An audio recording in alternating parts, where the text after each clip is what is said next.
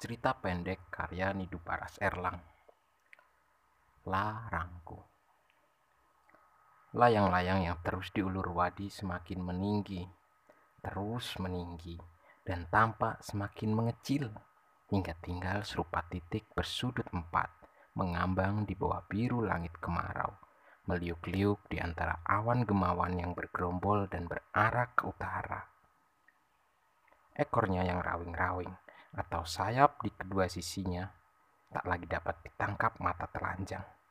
Hanya benang di ujung sini yang diikatkan pada kaleng bekas susu terlihat agak melengkung ke bawah.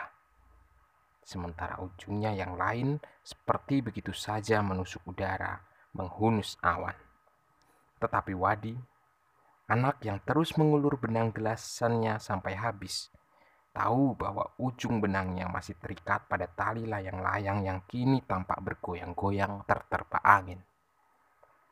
Dari air mukanya, Wadi begitu semeringah dan berbangga diri karena berhasil menerbangkan layang-layang sampai sebegitu tinggi.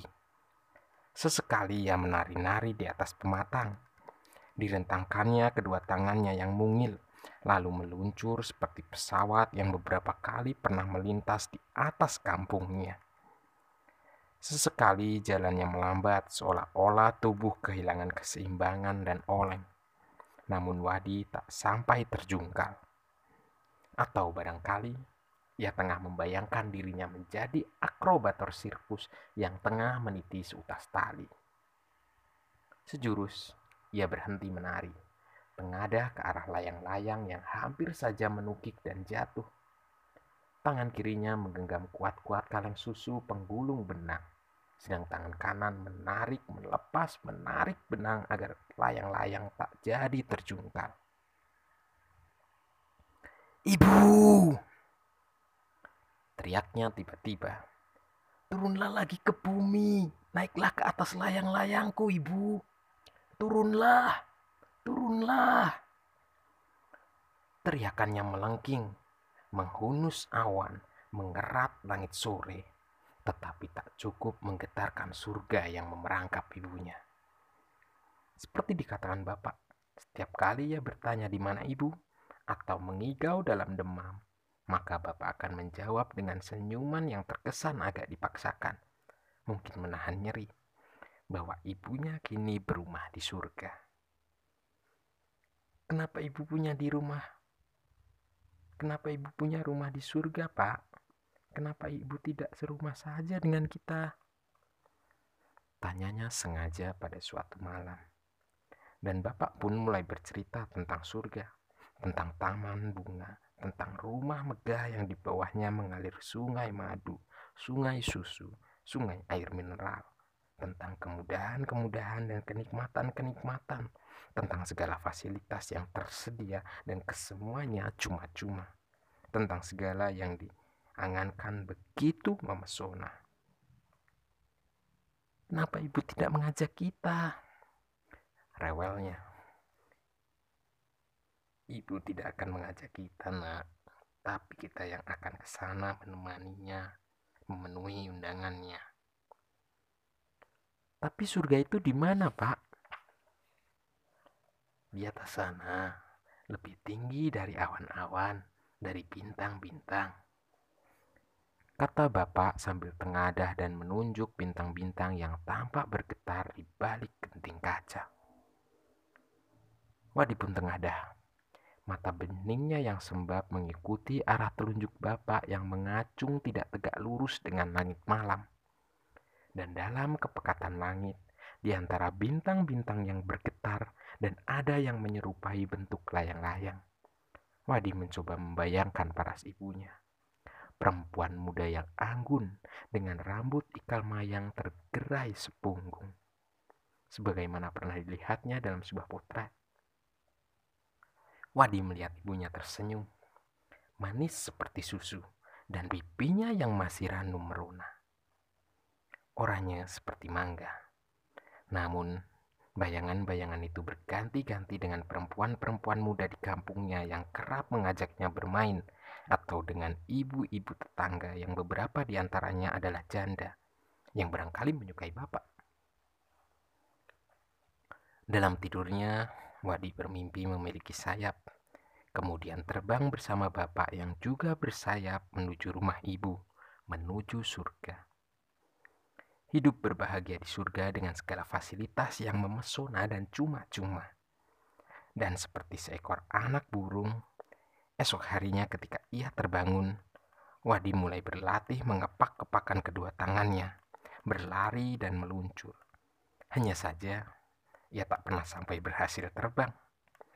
Kata bapak, tangan bukanlah sayap. Ia mengangguk meskipun tidak paham, namun masih menyimpan rapi mimpi-mimpinya bahwa kelak tangannya akan berubah menjadi sayap dan menerbangkannya ke rumah ibu.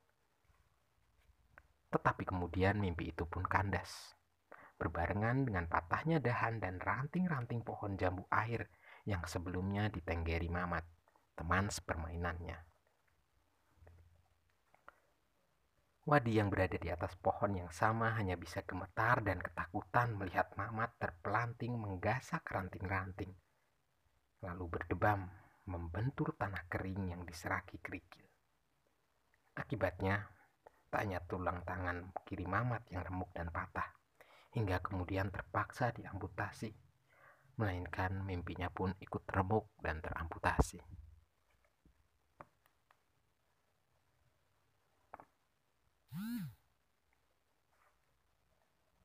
Pak, ceritakan tentang layang-layang. Pintanya setelah musim panen tahun lalu. Biasanya, setiap tahun setelah musim panen memang digelar semacam festival layang-layang antar penduduk di kampung ini. Walau bukan festival besar-besaran yang melibatkan banyak orang, antar provinsi, atau antar negara melainkan hanya festival kecil dan sederhana untuk sekadar mensyukuri nikmat dari panen yang sebetulnya tidak terlalu melimpah.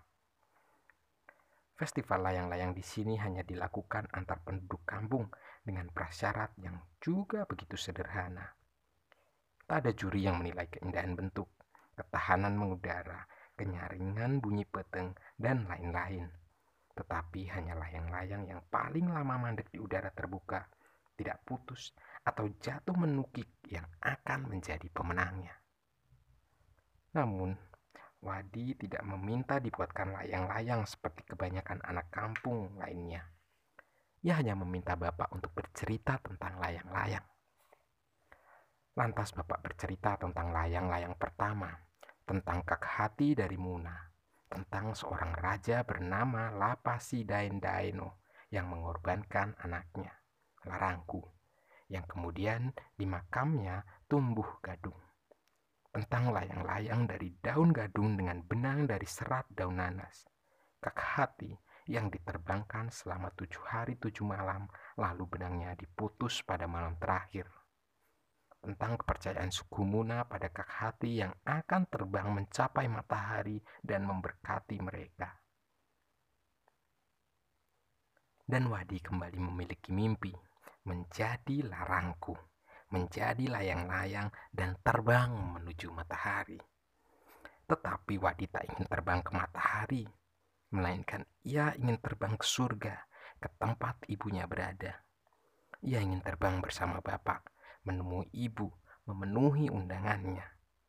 Hidup berbahagia dalam rumah megah yang di bawahnya mengalir sungai madu, sungai susu, sungai air mineral. Bukankah matahari dan surga sama-sama lebih tinggi dari awan-awan, dari bintang ke bintang? Batinnya. Maka Wadi pun meminta dibuatkan layang-layang. Malam ini kutemukan sepi yang kerap bergayut sendu di punggungmu. Barangkali dinginnya sepi itu sama dengan dingin malam yang diguyur hujan. Seperti malam ini, hujan yang cukup lebat telah membuat batuan licin tanah becek, tenda terendam dan bocor.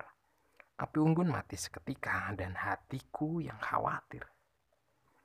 Dalam keresahanku yang semakin lebat, kita berteduh dengan sia-sia. Sebab air hujan dan angin dingin yang berkesiur tetap saja membasahi pakaianku. Barangkali juga pakaianmu. Meluruhkan daunan, merontokkan beberapa dangau, sementara gemuruh air terjun terdengar semakin keras. Pakaianku lembab, dingin merasuk sampai tulang rusuk. Dan untuk sekadar menghangatkan badan setelah hujan mereda, kamu berniat memasak mie instan di dalam tenda yang bocor dan terendam. Nyala kompor gas masih biru memang, tapi harganya tak sampai ke kulitku, ke hatiku. Aku masih gigil, masih khawatir.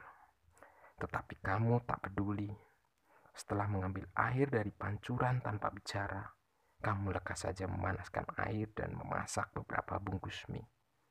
Namun, entah mengapa aku berupaya menikmati saja adegan semacam ini.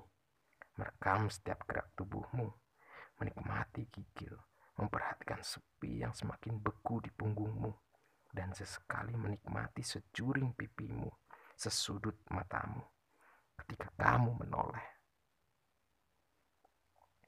Berpalinglah, biar sempurna sudut matamu, dan akan kumasuki duniamu dengan diam-diam. Seperti layang-layangku yang terbang ke surga secara diam-diam. Dan dengan diam-diam pula, pukul tiga dini hari, aku menemukanmu di dekat air terjun yang entah tumpah berapa liter setiap menitnya dari ketinggian sekira 20 meter itu. Barangkali volumenya akan sebanding dengan air mataku setiap kali merindukan ibu. Entahlah. Hanya saja, udara dan atmosfer di sini masih seperti tadi. Hening, lembab, gigil, resah. Tinggal kerikik jangkrik yang meningkahi debur air terjun Curug Kumawang merambati malam. Dalam kondisi senyap, dingin, dan di bawah purnama yang kelam, kita masih saja berjarak satu tombak, masih saja bungkam satu sama lain dan mematung meski tak sungguh menjadi patung, sebab sesekali menggigil dan berguncang. Dan barangkali begitulah caraku menikmati adegan demi adegan yang kita lakoni malam ini, meski tanpa banyak cakap, tanpa banyak gerak isyarat, menikmatinya dalam diam, secara diam-diam. Barangkali pula masih ada cinta, tetapi bahasa kerap tak cukup menampungnya dan tak lagi dapat dipercaya, maka dia menjadi pilihan yang paling aman. Walaupun belakangan aku mulai curiga, jangan-jangan cintanya serupa gabus dengan warna yang begitu mencolok dan memikat perhatian, mengambang di atas air keruh pekat di dalam bejana yang kunamai hati. Sebuah gabus adalah cinta kita boleh aku, boleh ibu, boleh juga kamu terhadap seseorang atau sesuatu. Sementara gabus itu terus mengambang menari-nari sesukanya, semau-maunya. Warnanya semakin menyala, memikat tatkala frekuensi pertemuan dan intensitas kebersamaan terus berkesinambungan. Oh, betapa gabus itu kian benderang, memuntahkan cahaya yang berpendar ke segala penjuru dan menarikan tarian paling indah sepanjang sejarah. Namun, siapa nyana sebuah tangan hujan yang perkasa dan tak kasat mata memukul-mukul bejana, membuat riak yang mengembang melingkar menjadi gelombang. Air keruh pekat yang semula tenang pun terguncang-guncang. Sebagian, sebagian berpercik mencelat dari bejana, menguap entah ke mana, atau mungkin tanah, atau mungkin tandas ke tandus tanah. Aku memandang lanskap, menghunus percakapan-percakapan. Kamu memandang lanskap, menghunus percakapan-percakapan. Tetapi mungkin juga secara diam-diam, tanpa setauku, kamu tengah merajut mimpi dari jejaring laba-laba seperti mimpiku yang kurajut dari serat daun nanas. Ah, sebetulnya aku ingin mengajakmu bercakap-cakap, bersicingkan, bermain layang-layang, berenang, belajar terbang. Namun, hujan ini cukup menggelisahkanku, meresahkanku, dan kembali mengingatkanku pada layang-layang yang pernah kuterbangkan dan kupacak 14 tahun lalu. Adakah malam ini ibu akan menemuiku? Atau layang-layangku kali ini akan kalah oleh cuaca? Rontok, patah, dan robek-robek. Oh, sungguh Akulah larangku yang terpanggang matahari setiap kali hujan mendera. Aku anak perempuan, tidak boleh main layang-layang. Katamu tiba-tiba memecah kelam malam. Tetapi seperti tidak ditujukan bagi siapa pun, melainkan untuk dirimu sendiri. Ingin kutawarkan, mau bermain layang-layang denganku? Dan kita sama-sama menunggu ibu memberi restu. Namun, kalimatku tersangkut di kerongkongan. Serang 2 Februari 2010